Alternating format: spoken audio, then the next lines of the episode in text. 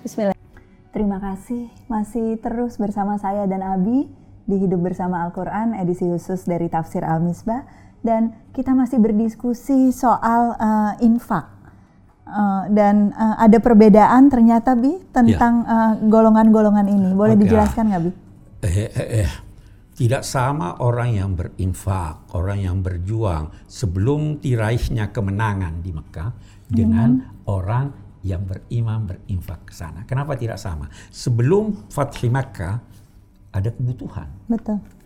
Sesudahnya tidak ada kebutuhan. Sudah lebih berjaya. Sudah Islam. lebih berjaya. Itu sebabnya kata ulama di, Mek di, di Mekah itu tidak ada orang munafik.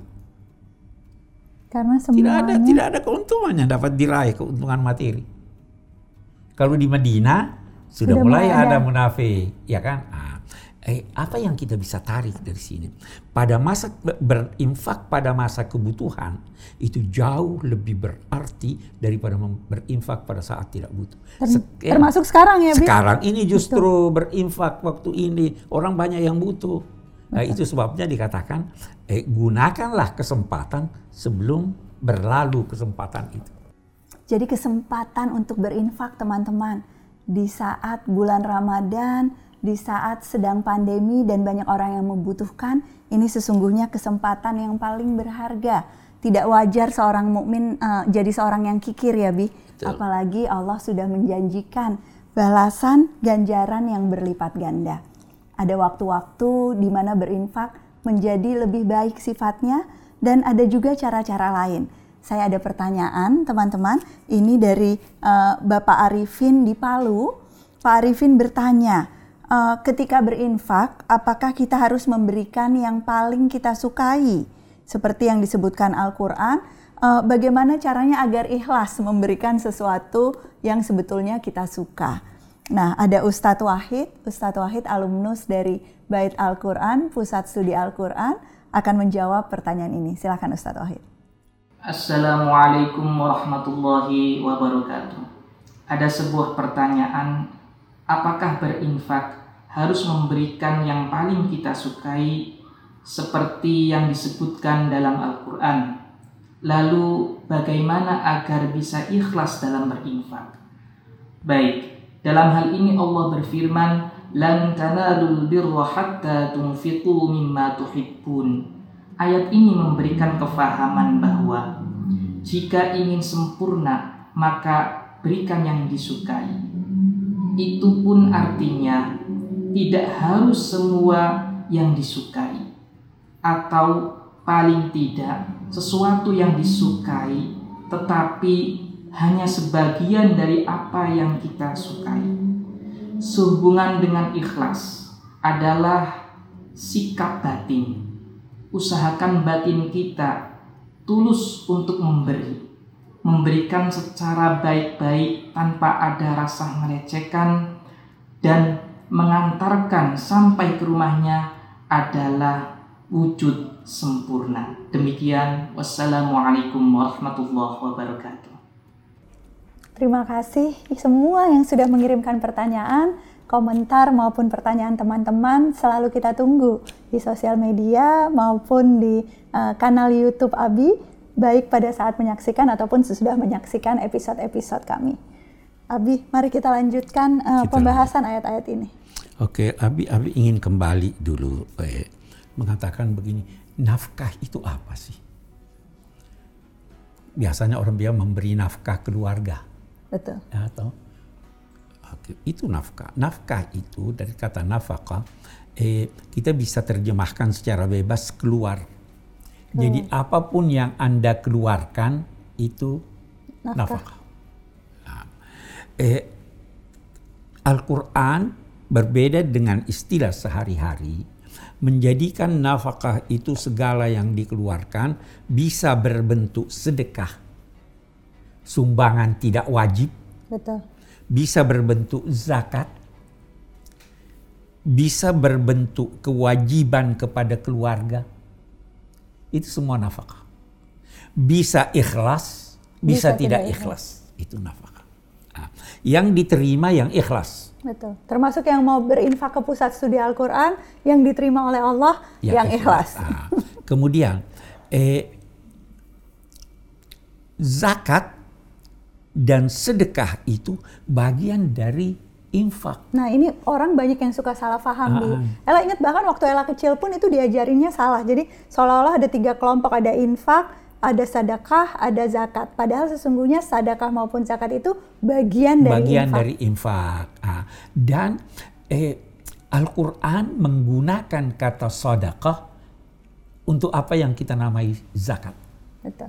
Jadi penamaan itu berkaitan dengan eh, eh, fungsi atau tujuan pemberian. Oke. Dia baru dinamai sedekah terambil dari kata sid benar kalau itu memang benar-benar tulus, Tulus. dari hati.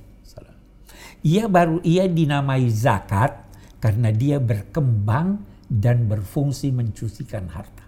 Oke. Nah, apa pun yang dikeluarkan boleh jadi tenaga, Betul. boleh jadi pikiran, Betul, kan itu. Nah, Jadi melakukan hal yang sama, sama-sama menyumbang ke yayasan tertentu dan sebagainya, Ah, itu uh, buat sebagian orang bisa sedekah, buat sebagian yang lain itu Hmm, bisa- zakat. Bisa zakat, ya. Oke.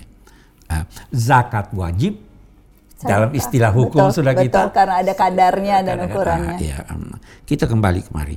Eh, tidak sama yang berinfak sebelum terbukanya kota Mekah sebelum kemenangan yang terjadi dibanding dengan yang Sesudahnya. sesudahnya. Karena di sini ada kebutuhan, di sini ada itu. Tetapi kendati demikian, berinfak saat kebutuhan atau saat lapang, semuanya dijanjikan ganjaran yang baik dari Tuhan. Betul. Wallahu bima ta'maluna khabir. Khabir. Allah Maha mengetahui sedetail-detailnya. Apa perbedaan khabir dan alim? Alim itu mengetahui, tapi biasanya tertuju pada hal-hal yang umum. Kalau sudah khabir, itu eh, sampai sedetail-detailnya. Kita juga dalam bahasa Arab khabir itu juga expert yang tahu Ahli. Ahli, oke. Man dzalladzi yuqridullahu qardan hasanan fayudha'ifu lahu wa lahu ajrun karim. Nah, siapakah yang akan memberi hutang pada Allah? Siapa yang bisa memberi hutang Ah, kepada Allah? Ah, maha ini- kaya, ah, ini- maha ini- pemurah. Betul. Ini di sini kita bisa kita terangkan dulu apa arti qard. Dari kata qard lah lahir kata kredit. Kredit. Itu asalnya kredit. Banyak dari bahasa Arab itu yang menjadi atau dinilai berasal dari eh, ya- yang digunakan oleh bahasa lain. Kita berkata kalangkabut. Betul. Itu kalangkabut, semrawut seperti laba-laba. Betul. Influenza itu dari bahasa Arab amful ans. Hidungnya seperti hidung eh, kambing, selalu basah. Itu flu. Oke deh. Ini qard. Betul. Kredit. Siap- siapa yang mau Memberi memberikan, uh, meminjamkan, membiarkan Meminjamkan, Allah iya, berhutang iya, kepadanya. iya, ber- meminjamkan kan itu memberi kredit namanya. Abi hanya mau tekankan qard ini. Betul, ya. Jadi walaupun itu dari Allah, dia seakan-akan menyatakan bahwa ini kamu sudah eh, menguasainya, kamu sudah eh, eh, bisa melakukan apa saja. Jadi pinjamkan pada Allah. Apa yang ingin dikatakan di sini bahwa Allah itu eh, memperlakukan manusia dalam tiga tingkat. Ada eh, manusia mencintainya sehingga tidak ada perhitungan. Nggak ada transaksi sama sekali, betul-betul hanya uh, demi mengabdi. demi mengabdi. Ada ini yang pertama seperti ibu terhadap anaknya. Nggak nunggu balasan. Ah, ah, Bapak juga biar bapak. Ya, bapak juga, bapak juga. Atau yang kedua ada yang bertransaksi bisnis. Hitung-hitungan ya, hitung-hitungan. Ya kita biasa begitu. Oh ini pahalanya lebih banyak, itu pahalanya lebih banyak, ya kan? Itu berbisnis dengan Allah. Dan itu di dalam Al-Quran banyak sekali istilah-istilah bisnis. Dan nggak apa-apa, dibolehkan, apa-apa, dibolehkan walaupun itu tingkatannya belum setinggi yang, yang tanpa kondisi ah, tadi. ah, Gitu. Ada yang ketiga yang lebih rendah. Bukan berbisnis, bukan berhitung untung rugi, takut. Hanya karena takut. takut, hanya Kita sudah uraikan ini di uh, ayat-ayat sebelumnya, Bi, tentang perbedaan uh, ini. Kalau ada yang ingin cari tahu, boleh ditonton ulang episode-episode Oke. sebelumnya. Nah, Jadi siapa yang mau memberi Allah qardan hasanan, maka Maka dia akan melipat gandakannya. Allah meminjam, dia akan mengembalikannya dalam dia bentuk ber- berlipat ganda. sampai 700 kali. Ya Allah. Nah, baru setelah dia katakan dia akan melipat gandanya dan juga baginya ganjaran yang mulia. Jadi di samping dikembalikan, diberi lagi balasan. Dan ganjaran yang mulia itu bisa apa? Bi? Pengampunan dosa bisa gitu. Bi? pengampunan dosa, bisa peninggian derajat, bisa keselamatan, macam-macam. Pokoknya segala yang mulia itu dijanjikan oleh Allah. Dan ini tanda betapa Allah itu sebetulnya maha pemurah. Maha pemurah. Maha pemurah walaupun uh, manusia itu dititipkan olehnya menjadi khalifah atas uh, hartanya, harta Allah, tetapi pada saat dia menafkahkan, berinfak di jalan Allah, maka dia akan mendapatkan ganjaran berlipat ganda. Satu sedikit lagi yang Abi mau bilang, dalam konteks konteks berbisnis, Betul.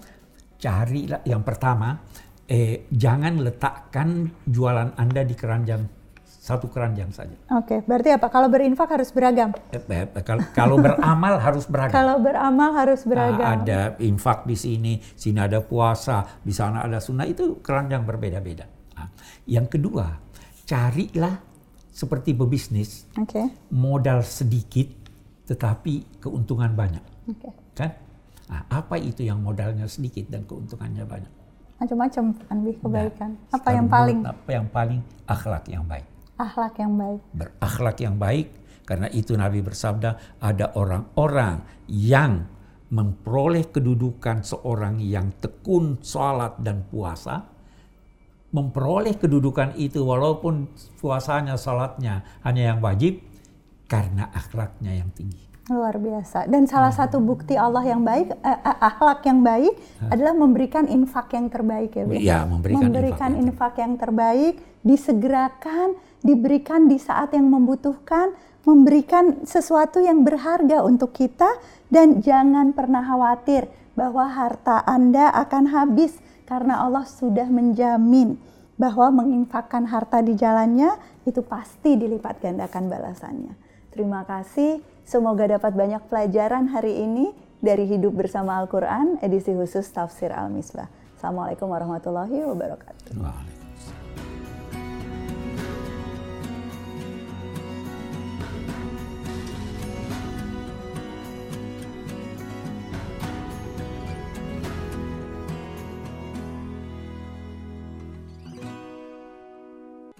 Bait Al-Quran adalah salah satu program pusat studi Al-Quran dalam bentuk pesantren pasca tahfiz khusus bagi santri berbagai daerah yang sudah hafal 30 juz.